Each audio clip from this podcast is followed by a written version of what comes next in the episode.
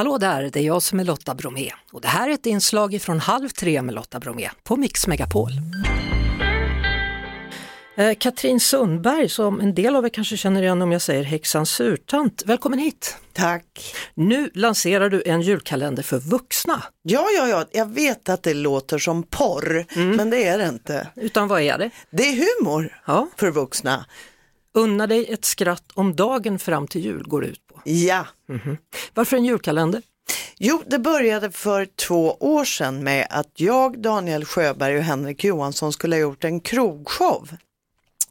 Och då hände ju det där vi alla minns med fasa. Pandemin rullade in, det stora vemodet rullade in och det gjorde att vi inte kunde spela den på scenen. Sen tänkte vi, vi spelar in den. Då blev Daniel allvarligt sjuk i covid, inlagd på sjukhus Oj. och där satt vi med alla texter och allting. Vad gör vi med detta?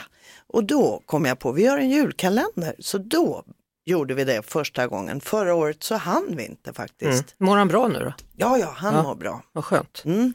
Eh, är det julian.se, där man kommer kunna hitta kalendern?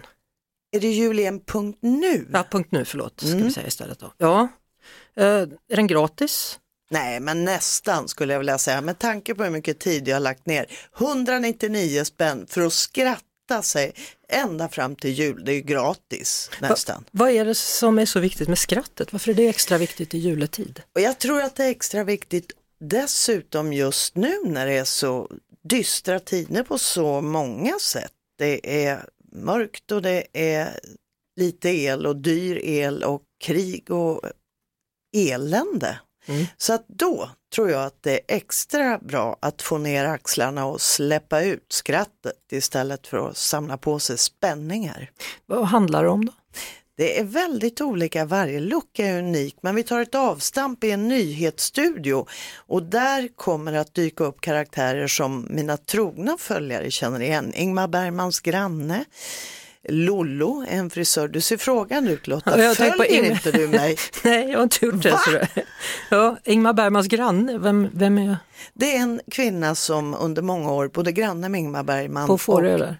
Överallt, hon följde med honom överallt. Hon var granne, var han än satt ner foten så bodde hon bredvid. Aha, ja. Och hon avgudade honom och gör det fortfarande och sörjer Ingmar på ett sätt som inte är helt sunt. Nej, det kan man tänka. Mhm. Mhm. Och mer, vem kommer man mer känna igen? Ja, Lollo heter en frisör som jag gör som är lite filosofisk sådär, som talar om håret mer som en andlig gloria man har på huvudet.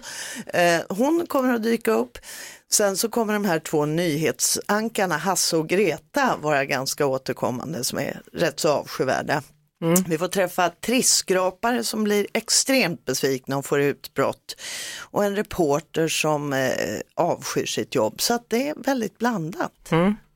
Slutligen då, vilket är ditt bästa tips för en rolig och glädjefylld jul?